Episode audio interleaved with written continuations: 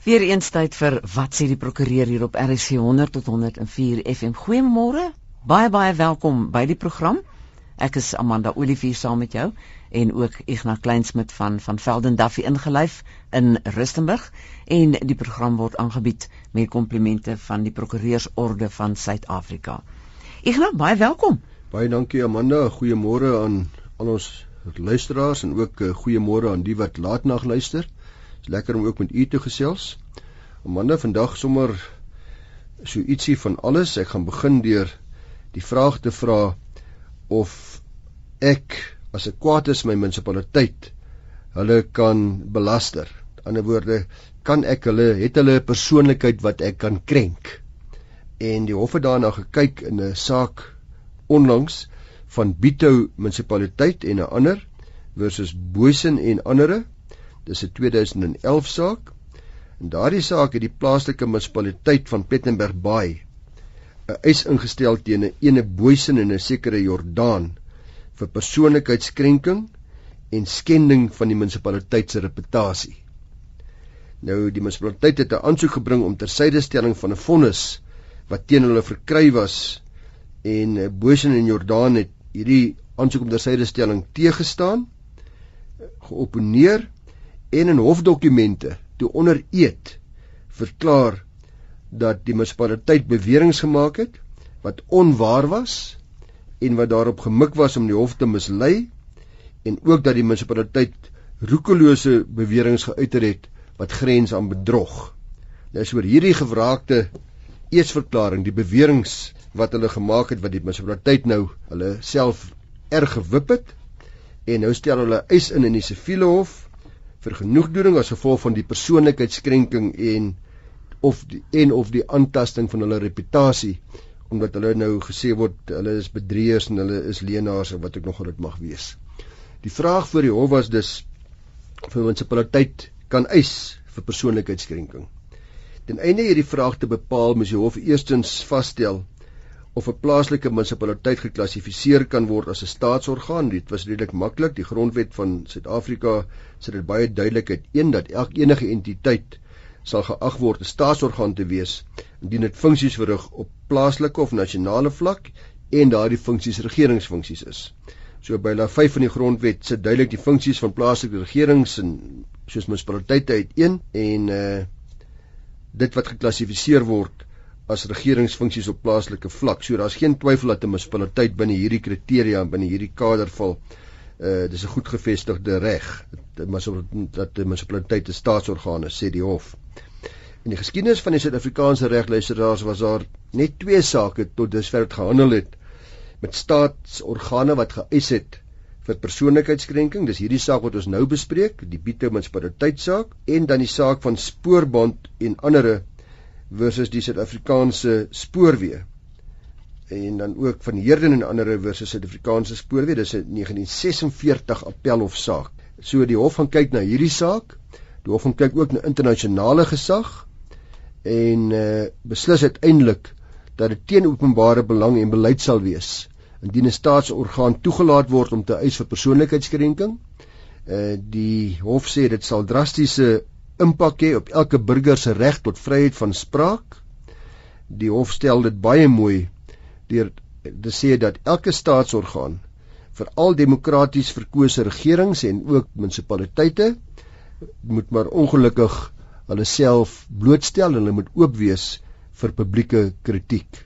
So die aksie word van die hand gewys. Kort en klaar. Kort en klaar. Dan uh, luisteraars die vraag of homoseksuele paartjies nou ook in die hof met mekaar kan beklei waar hulle huwelik nie uitwerk nie is 'n interessante saak wat aandag gekry het in die saak van AC versus CS 'n onlangse saak wat in 2011 gerapporteer is. In hierdie geval was dit die verbrokkeling van 'n buitelandse huwelik tussen twee mense van dieselfde geslag en die feite is kortliks as volg: Die twee persone, die applikant en die respondent, twee vrouens, het mekaar in Suid-Afrika ontmoet. Hulle is daarna in Maart 2005 Engeland toe om daar te gaan werk, want die applikant het 'n Britse paspoort gehad. Uh, maar sy was altyd van plan om terug te keer na ons land toe en op 9 Augustus 2006 het die partye 'n siviele vennootskap gesluit in Londen. Deur hulle die die sertifikaat uh, van registrasie van hierdie siviele vennootskap is nou hulle uitgereik onder die Engelse siviele vennootskapswet van 2004. Nou, u moet onthou dat in Suid-Afrika is dit 'n geruime tyd nou al so dat homoseksuele paartjies wettiglike huwelik kan sluit uh, of dan huwelik is beter bekend eintlik as 'n burgerregtelike vennootskap kan sluit. Jy hoor nou ek het gesê dat in Engeland is dit die Engelse siviele vennootskapswet. By ons is dit die Civil Union Act van 2006 wat die sluiting en registrasie van 'n homoseksuele huwelik moontlik maak. Uh en sodra hulle dit dan registreer is hulle geag wettiglik getroud te wees. Maar belangrik is dat die Civil Union Act van Suid-Afrika maak egter geen voorsiening vir die gevolge waar huwelike of vennootskappe in gesluit in terme van hierdie wet beëindig word nie. Alhoewel die wet tog deurgangs verwys na die wet op egskeidings van 1979. Die paartjie se verhouding loop skeef. In in 2007 word die verhouding, die vennootskap dan of die huwelik in aanhalingstekens beëindig. En dit is op daardie stadium toe sodat albei partye reeds teruggetrek het na Suid-Afrika toe en weer hier woon. Op 30 Maart 2010 het die applikant 'n egskeringsdagvaarding teen die respondent laat uitreik waarin sy versoek het dat sy 'n egskeringsbevel wil hê en waarin sy sê dat hierdie huwelik is maar dieselfde as 'n huwelik binne gemeenskap van goedere, soos 'n 50-50 verdeling ook van bates. Uh die respondent het hierdie aansoek nie geopeneer nie, toegestem tot die bevele wat gevra is en die party het inderdaad 'n skikkingsakte onderteken. Die hof het die eskeringsbevel toegestaan met inkorporering van die bepalinge van die skikkingsooreenkoms. Die hof moes toe vasstel of die hof wel jurisdiksie het om die partye te skei gebaseer op die feit dat dit 'n siviele vennootskap is en gebaseer op die feit dat hulle vennootskap inderdaad gesluit is in die buiteland. Die hof het toe gaan kyk na ons wet, die 2006 wet en dit in ag geneem en gesien dat die wet nie voorsiening maak vir hoe die vennootskap of dan die huwelik elke keer in aanhalingstekens ontbind moet word nie en die hof sê dat dit duidelik is dat hierdie wet 'n bietjie oorhaastig geskryf was en nie al die nodige bepalinge mooi oorweeg het nie die hof het egter ook bepaal dat dit duidelik is dat die wet se bedoeling is dat die ontbinding van hierdie vennootskappe in terme van ons egskeidingswet van 1979 moet geskied.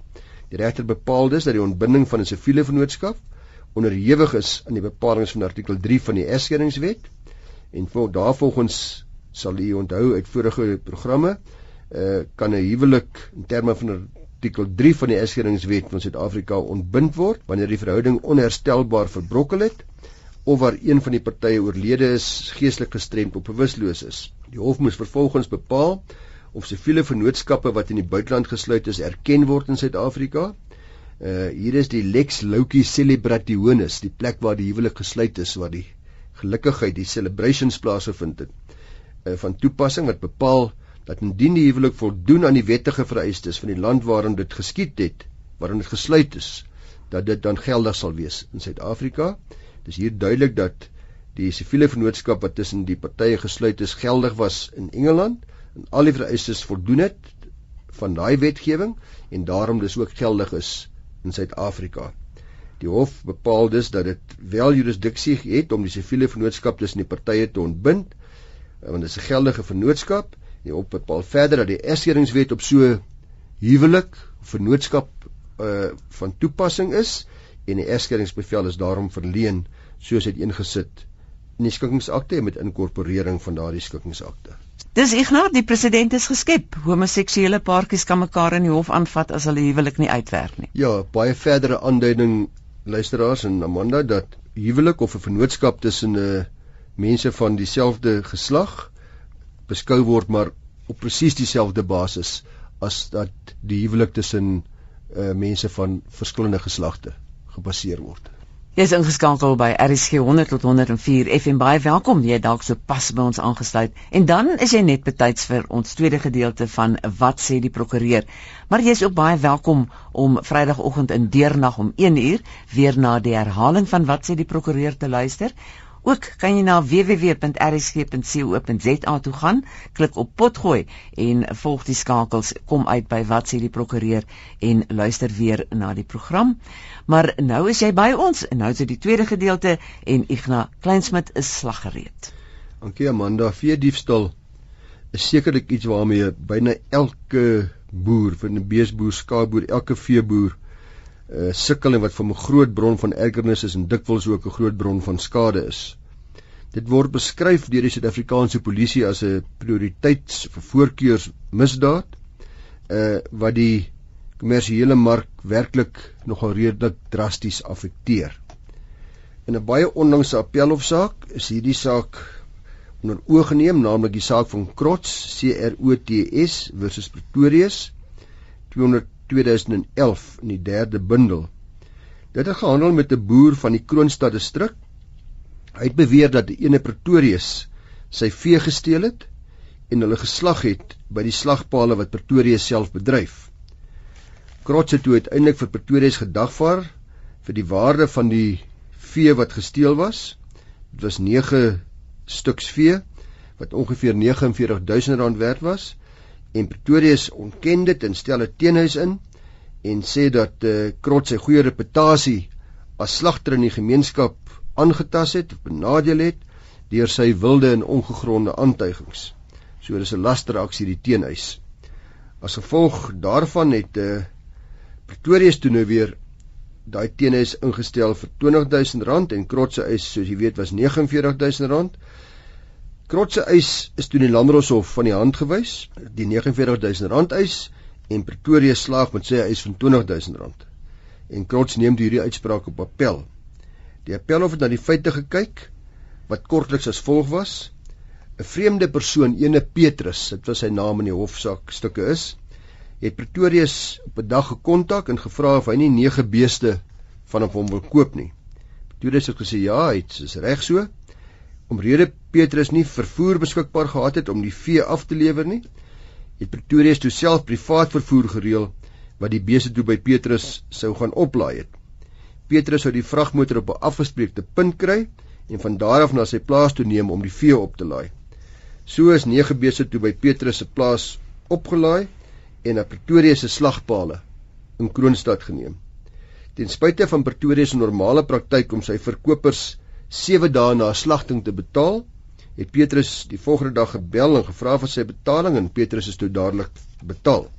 Nou die wet bepaal luisteraars dat by die verkoop van vee is die koper verplig om 'n verwyderingssertifikaat vanaf die koper te verkry as ook identifikasiedokumente vir die beeste geteken deur die verkoper. Nou hierdie verwyderingssertifikaat en identifikasiesertifikaat moet natuurlik die besonderhede van die verkoper duidelik weerspieël. Dit moet die geregistreerde brandmerk van die beeste as ook die plek of die bestemming waarheen hulle vervoer gaan word bevat.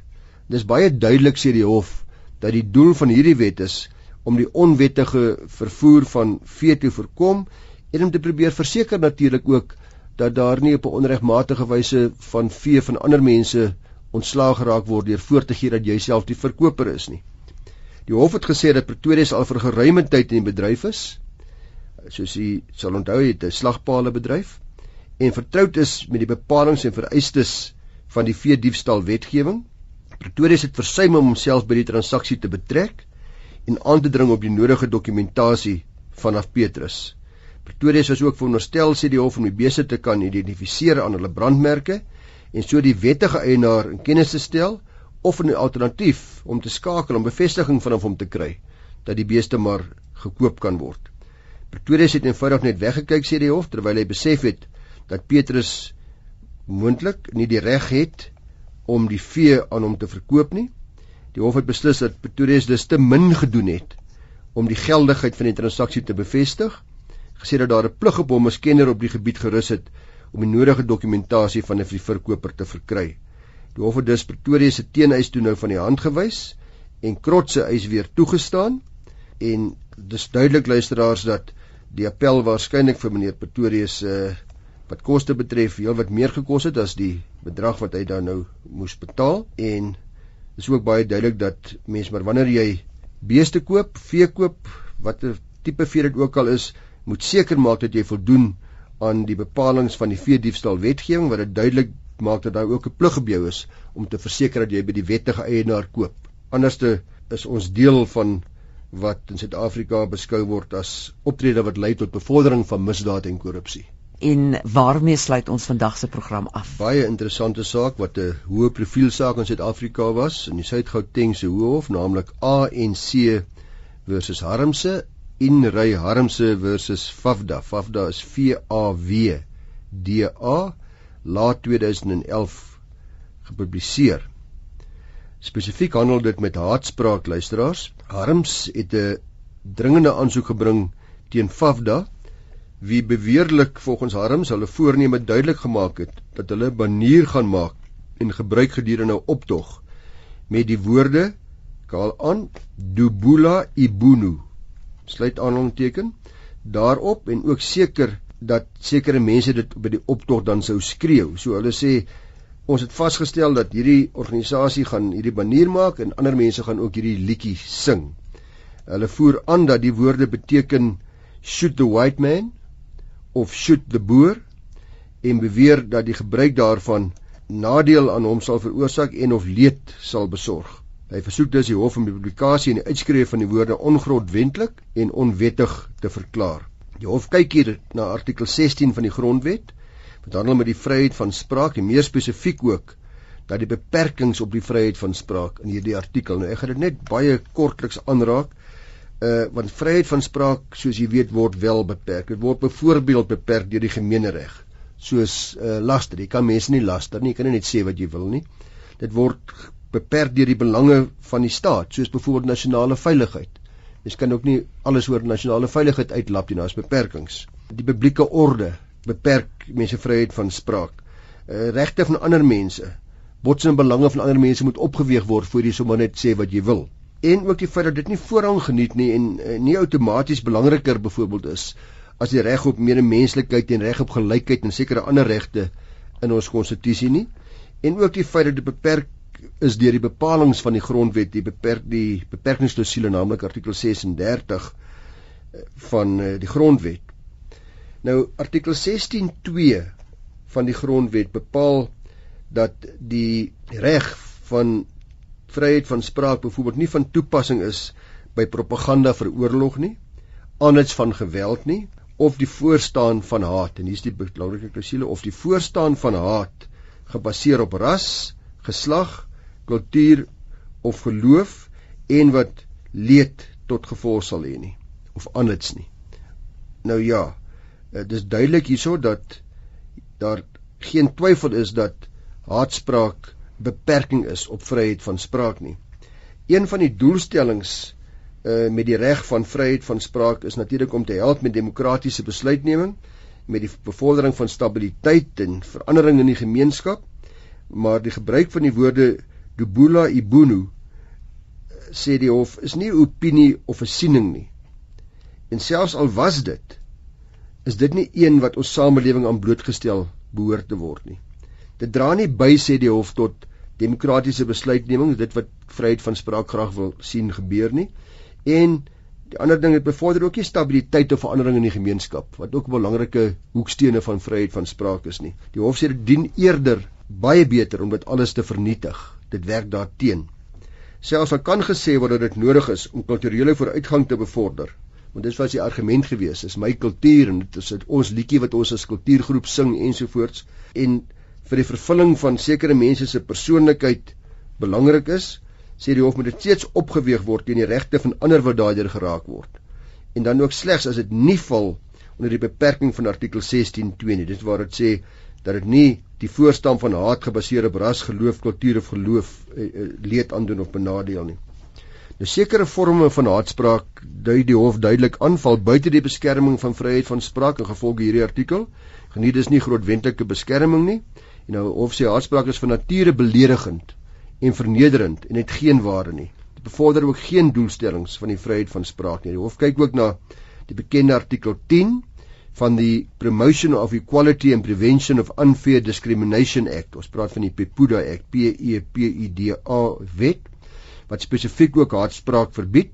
Dit blyk duidelik uit die artikel dat Pepuda 'n verbod plaas op spesifieke kategorieë van uitdrukking en dat die kategorie weier strek selfs as wat artikel 16 van die grondwet bepaal.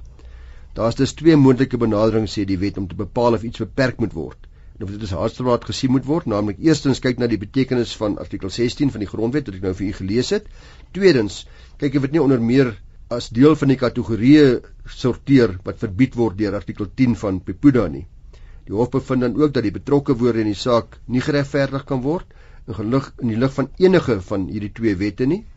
En uh die hof sê hoe moet ons bepaal wat haatspraak is? Daar's twee elemente wat dus teenwoordig moet wees. Dan weet ons is haatspraak. Eerstens die verkondiging van haat gebaseer op ras, geslag, kultuur of geloofs-oortuiging en tweedens dat dit mense aanhits om 'n ander leed te veroorsaak of selfs geweld. Dis 'n objektiewe ondersoek na die betekenis van die woorde en die bedoeling van die persoon wat dit uiter. En dis nogal belangrik om dit te verstaan luisteraars, die bedoeling van die persoon wat dit uiter is geheel en al irrelevant. Al bedoel jy dit met die beste doel ter wêreld omdat my oupa het gesing en my oupa grootjie en ons destyds het dit dis is dit is gesing op ons familiefeeste wat ek nogal en ek wil terugdink aan hulle of wat ek nogal die rede mag wees sê die op dis irrelevant. Dis 'n objektiewe toets wat die werklike betekenis daarvan is en 'n bevinding dat dit aanhitsing of haat is gebaseer op ras. In hierdie geval waar jy sê skiet die boer of skiet die wit man sê die hof is dus geregverdig of dit aanhitsing is om leed te veroorsaak, is ook 'n objektiewe bepaling weer eens en weer eens kan bevind word dat die betrokke woorde beslis aanhitsing is om leed te veroorsaak. Die woorde word dus reeds al deur die interne beperking van artikel 16 self verbied. In die saak van Afriforum versus Malema, 'n ander saak, is bevind dat die woorde shoot the farmer beteken dat boere aangeval of vermoor moet word. Indien dit reg gesê die hof, is dit duidelik haatspraak teen daardie betrokke groep. Die woorde shoot the farmer kan beswaarlik onderskei word van die woorde kill the boer of kill the farmer wat as haatspraak bevind is in die saak van die Vryheidsfront versus die Suid-Afrikaanse Menseregte Kommissie dis 'n 2003 saak wat uh, beslis is in daardie jaar reeds.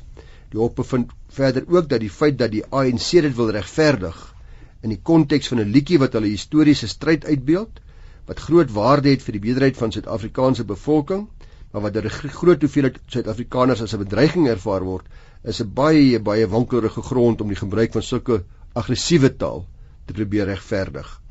Die ware maatstaf vir haatspraak is nie die historiese betekenis daarvan of die konteks waarin dit gebruik word nie, maar inderdaad die effek van die woorde objektief beoordeel op diegene waarop dit toegespits word. Ons boere wat vandag luister of ons wit mense wat vandag luister, as hulle dit sien objektief beoordeel as haatspraak wat hulle geloof, hulle ras of wat ek nogal aanval, dan dit is die ware bewaarstaf om te bepaal of dit haatspraak is al dan nie. So luisteraars, die hof bevind gevolglik dat die woorde haatspraak is, dat daar geen regverdiging is nie en ook geen beskerming vir sulke haatsprake gevolge die gemeene reg of die grondwet nie. Ek gaan dit dan al vir vandag. Ja, dankie Amanda en groetnis aan al ons luisteraars. Baie baie dankie weer eens vir jou deelname. DV volgende week maak ons weer so. Onthou, jy kan weer luister Vrydagoggend om 1uur in deernag na die herhaling van wat sê die prokureur. Jy kan ook na die webwerf toe gaan www.rsg.co.za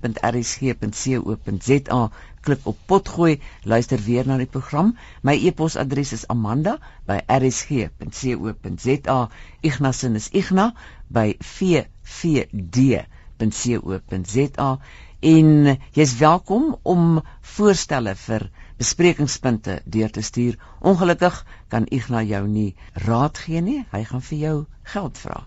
Ja, Want... Amanda, volgende week gaan ons 'n bietjie praat oor hoe versigtig mens moet wees voor jy meer as een eiendomsagent sommer aanstel of opdragte uitdeel aan eiendomsagente. Daar's 'n lekker hofsaak daaroor. Ons gaan bietjie praat oor boedelbelasting. Hoe presies werk dit? Wanneer kan mens bespaar en hoe kan jy bespaar? Ons gaan ook bietjie praat oor BK's en hulle aanspreeklikheid na deregistrasie.